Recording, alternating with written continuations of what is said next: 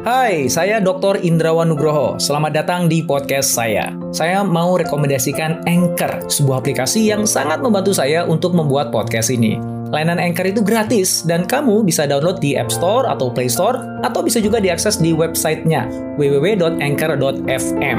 Yuk, mangga dicoba.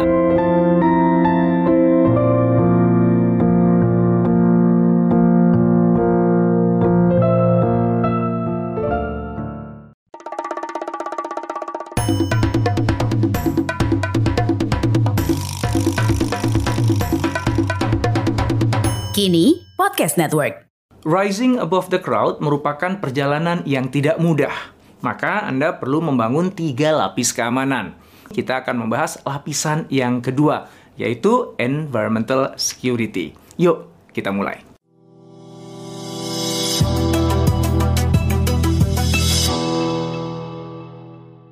Jika Anda sudah memiliki ketiga pelindung pengaman pribadi dengan baik, berarti Anda sudah cukup percaya diri untuk bisa mengarungi lautan ketidakpastian yang harus ditempuh dalam perjalanan menuju rise above the crowd.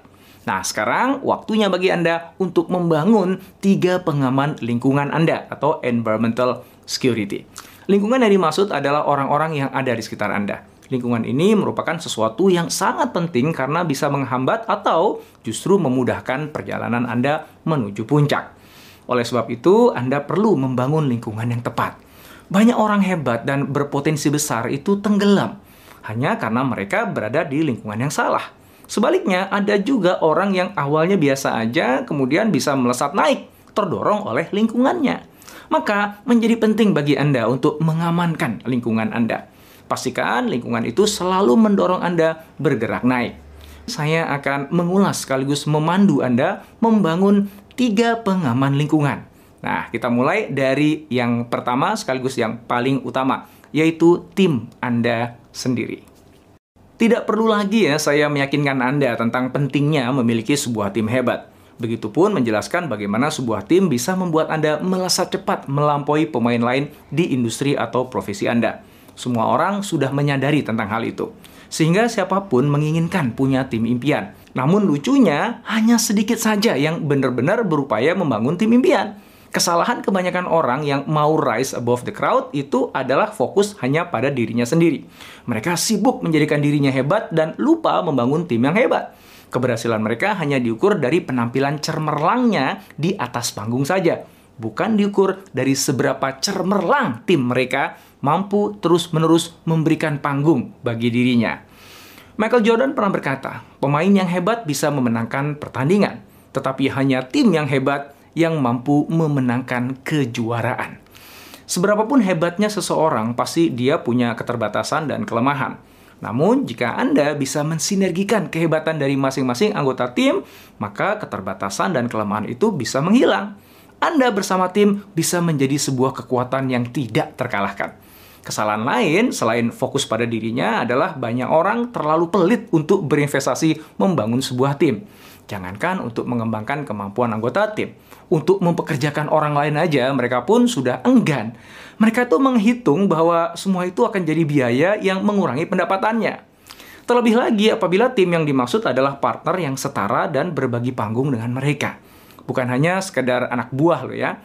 Nah, mereka itu takut suatu saat nanti akan dikhianati atau setidaknya ditinggalkan oleh mereka. Sehingga semua investasi mereka jadi sia-sia. Nah, semua itu membuat mereka berpikir ribuan kali sebelum serius membangun sebuah tim. Tim yang hebat tentu tidak terbangun dengan sendirinya. Anda harus membangunnya tahap demi tahap. Merekrut orang-orang terbaik untuk bergabung dalam tim baru sebuah permulaan. Selebihnya, Anda harus mampu membuat mereka bekerja sinergis untuk bisa mencapai tujuan bersama. Jangan ragu untuk berinvestasi pada tim. Arahkan mereka, beri mereka purpose yang agung, latih mereka dan tempa mereka. Bangun lingkungan kerja yang kondusif. Berikan mereka kepercayaan untuk mengambil peran yang strategis. Berikan pula penugasan yang menantang sehingga memaksa mereka untuk naik kelas. Dan yang paling penting, pastikan Anda selalu ada untuk mereka dukung mereka tanpa mengenal lelah, dan apresiasi setiap pencapaian mereka sekecil apa pun. Hal yang kedua yang bisa memberikan Anda pengamanan lingkungan adalah sahabat. Mentor saya pernah berkata, bertemanlah dengan semua orang. Namun pilihlah sahabat kamu. Sahabat adalah orang-orang yang Anda sering menghabiskan waktu bersamanya. Anda curhat dan meminta solusi padanya. Begitu pula sebaliknya. Mau nggak mau, suka nggak suka, sahabat akan mewarnai diri kita. Pepatah mengatakan, jika kamu bergaul dengan pandai besi, maka kamu akan terpecik api. Dan jika kamu bergaul dengan penjual minyak wangi, maka kamu pun akan tercium wangi. Hai, sebelum kita lanjut podcastnya, kamu sudah pernah dengar Anchor kan? Anchor adalah all-in-one podcast editing platform yang saya gunakan untuk rekaman, edit suara, tambah lagu, dan semua hal dalam pembuatan podcast yang sedang kamu dengerin ini. Anchor bisa membantu kamu bikin podcast kamu sendiri loh. Caranya gampang, tinggal download dari App Store atau Play Store, atau bisa juga diakses di www.anchor.fm. Download Anchor sekarang ya.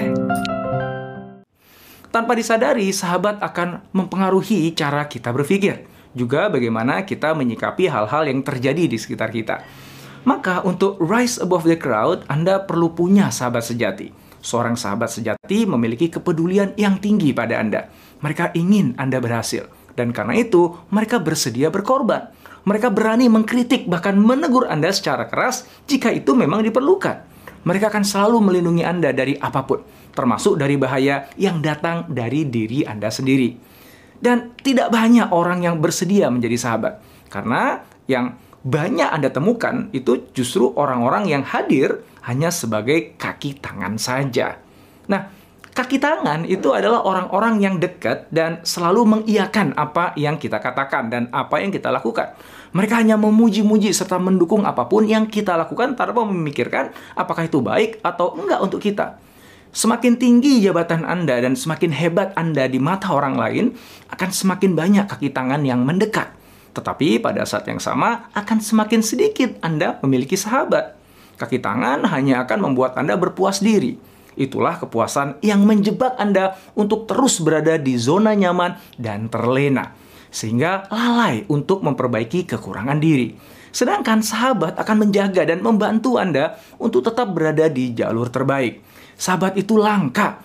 Jadi ketika Anda menemukan seorang sahabat, maka peliharalah mereka dengan baik. Selain di tempat kerja, komunitas adalah tempat yang mengasyikkan untuk mencari sahabat. Masuklah ke dalam komunitas yang memiliki visi dan nilai-nilai yang sama dengan Anda. Komunitas itu bisa berupa komunitas hobi, komunitas sosial, maupun komunitas profesi. Jadilah anggota komunitas yang aktif. Jangan gabung hanya pada saat Anda sedang senang aja ya. Libatkan diri Anda justru pada saat di masa-masa sulit karena justru pada saat itulah Anda akan menemukan siapa sesungguhnya sahabat Anda. Jadi, siapa sahabat Anda? Jaga mereka ya dengan baik ya dan jangan biarkan mereka menjauh dari Anda. Punya satu atau dua sahabat itu sudah bagus walaupun belum cukup tentu saja. Oleh karenanya mulai sekarang perbanyaklah sahabat sejati. Anda yang sudah pernah membaca dua buku saya sebelumnya, yaitu Kubik Leadership dan DNA Sukses Mulia, pasti sudah mengenal frase tabung epos. Epos merupakan singkatan dari energi positif, yaitu semua bentuk kebaikan yang Anda pancarkan. Bentuknya bisa mulai dari sesuatu yang tersamar dan orang lain tidak mengetahuinya, seperti doa tulus untuk sahabat, sampai dengan memberikan bantuan besar yang terlihat oleh orang banyak, seperti membagi-bagikan sembako kepada ribuan orang miskin. EPOS terkait erat dengan uh, wujud ketiga dari pengamanan lingkungan Anda. Nah, di dalam kedua buku saya tadi, saya bersama dua sahabat saya, Jamil Azaidi dan Farid Poniman, berargumen bahwa tidak ada satu kebaikan pun yang sia-sia. Semua epos yang kita keluarkan pasti akan kembali kepada kita dengan jumlah energi positif yang sama. Tidak semua epos yang kita keluarkan akan mendapat balasan secara kontan. Ada kalanya ketika kita menolong orang lain, mereka tidak membalas kebaikan itu kembali. Ketika kita sudah bekerja secara maksimal, ternyata nggak dibayar sesuai dengan keringat yang kita keluarkan, gak usah khawatir. Karena pada saat itulah epos Anda masuk ke dalam tabungan epos. Tabungan epos Anda suatu saat itu akan mencair dalam bentuk kebaikan-kebaikan yang Anda alami secara tidak terduga.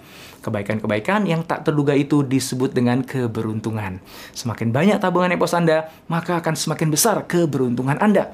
Kemudian, apa kaitannya nih EPOS dengan upaya kita untuk rise above the crowd? Gini ya penjelasannya ya. Kita bisa mempersiapkan perjalanan untuk rise sebaik mungkin. Tapi ingat ya, kita tidak akan pernah bisa memprediksi apa yang akan terjadi. Bisa saja hal-hal yang tidak kita harapkan terjadi justru malah terjadi. Nah, pada saat itulah kita perlu keberuntungan berpihak pada kita. Oleh karenanya, perbanyaklah tabungan EPOS. Maka, hal yang ketiga yang menjadi pengaman lingkungan kita adalah orang-orang di sekitar kita yang dapat kita jadikan sebagai ladang tabungan EPOS. Bisa jadi mereka adalah tetangga, karyawan, atasan, atau kolega Anda. Bahkan orang-orang yang sama sekali tidak Anda kenal. Berikanlah kebaikan kepada mereka jauh melampaui kebaikan yang Anda terima dari mereka supaya Anda punya tabungan EPOS yang banyak. Nah, bantulah sebanyak mungkin orang tanpa meminta balasan. Bekerjalah dengan nilai kerja yang lebih besar dari nilai upah yang Anda terima. Selisih EPOS itulah yang nantinya akan menjadi tabungan EPOS Anda. Pastikan Anda memiliki tabungan EPOS yang banyak sehingga perjalanan untuk rise hingga ke puncak tertinggi akan selalu dipenuhi dengan berbagai keberuntungan. Nah, itulah tiga wujud keamanan lingkungan yang menjadi lapisan pengaman kedua Anda untuk menuju rise above the crowd. Nah, pada video selanjutnya kita akan membahas lapisan pengaman yang ketiga sekaligus yang terakhir, yaitu keamanan pasar, market security.